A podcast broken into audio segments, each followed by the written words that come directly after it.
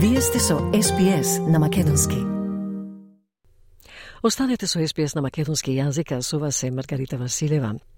Европската Унија објави дека сака да ги, цитат, поправа оградите, затворен цитат, и да работи на финализирање на договорот за слободна трговија со Австралија по прекинот на преговорите оваа година. Тоа е пораката од подпредседателот на Европската комисија која ја посети Австралија и разговараше со федералниот министер за имиграција. За SBS News известија Алекс Анифантис и Ана Хендерсон.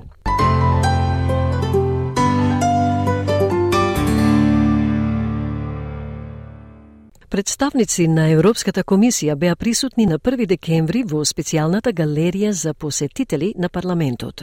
Заменик председателот на Европската комисија Маргаритис Шинас вели знае дека има важна улога.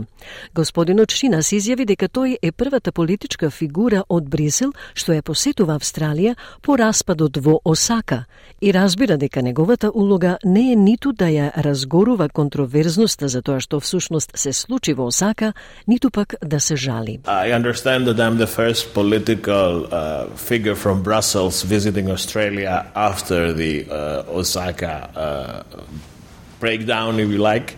Uh, and I understand that my role is not to uh, either fuel the controversy of what actually happened in Osaka or cry over spilled milk. Тој прекин на комуникацијата дојде во Јапонија пред повеќе од еден месец кога беше одбиена понудата за слободна трговија на Европската Унија, која го отвори пазарот од 446 милиони луѓе.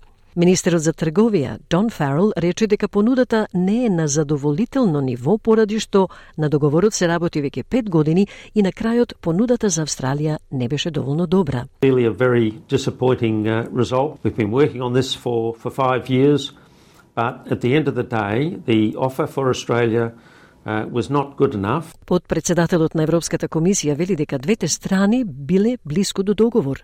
Тој вели имавме важна понуда на масата од една милиарди австралиски долари во однос на пристапот до нашиот пазар, која можеше да се подобри доколку дискусиите продолжија. I do not want to reproduce the Osaka uh, misunderstandings and I do not want to fuel the disappointment that inevitably resulted from events in Osaka. Uh, there are all sorts of opinions of what really happened. Um, uh, we had an important offer on the table uh, of 1 billion Australian dollars in terms of access to our market. Uh, that could have been improved if discussions would have uh, continued.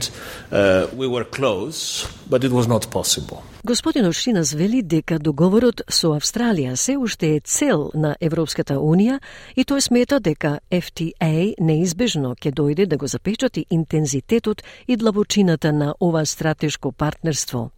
Според Шинас, тоа не беше можно во Осака, но ќе се случи попатно. I think that the FTA inevitably would come to seal the intensity and the depth of our strategic partnership.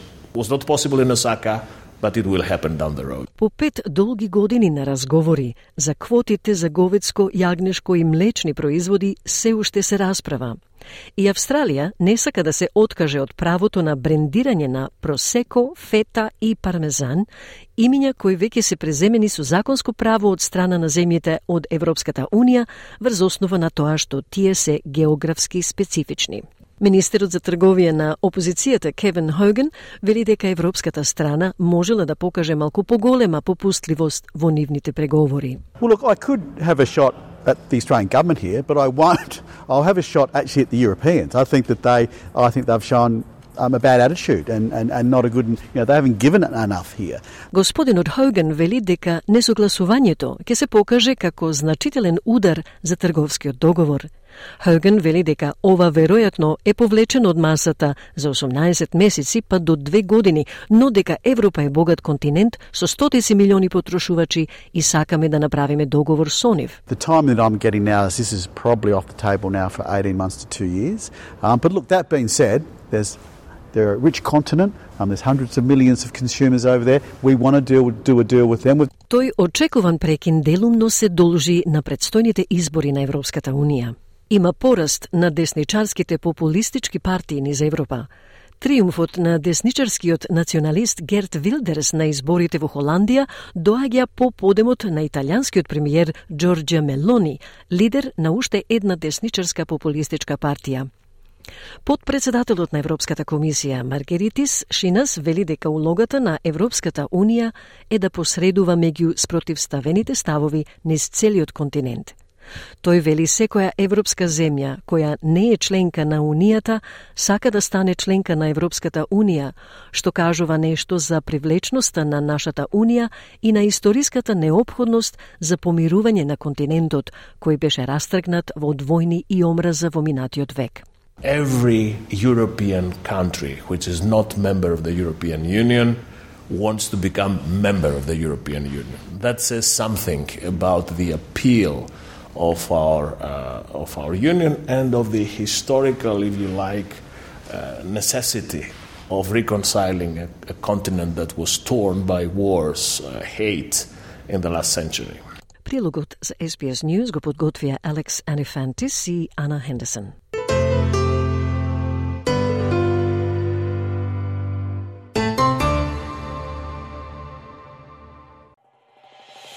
Сакате ли да чуете повеќе прилози како овој? Слушате подкаст преку Apple Podcasts, Google Podcasts, Spotify или од каде и да ги добивате вашите подкасти.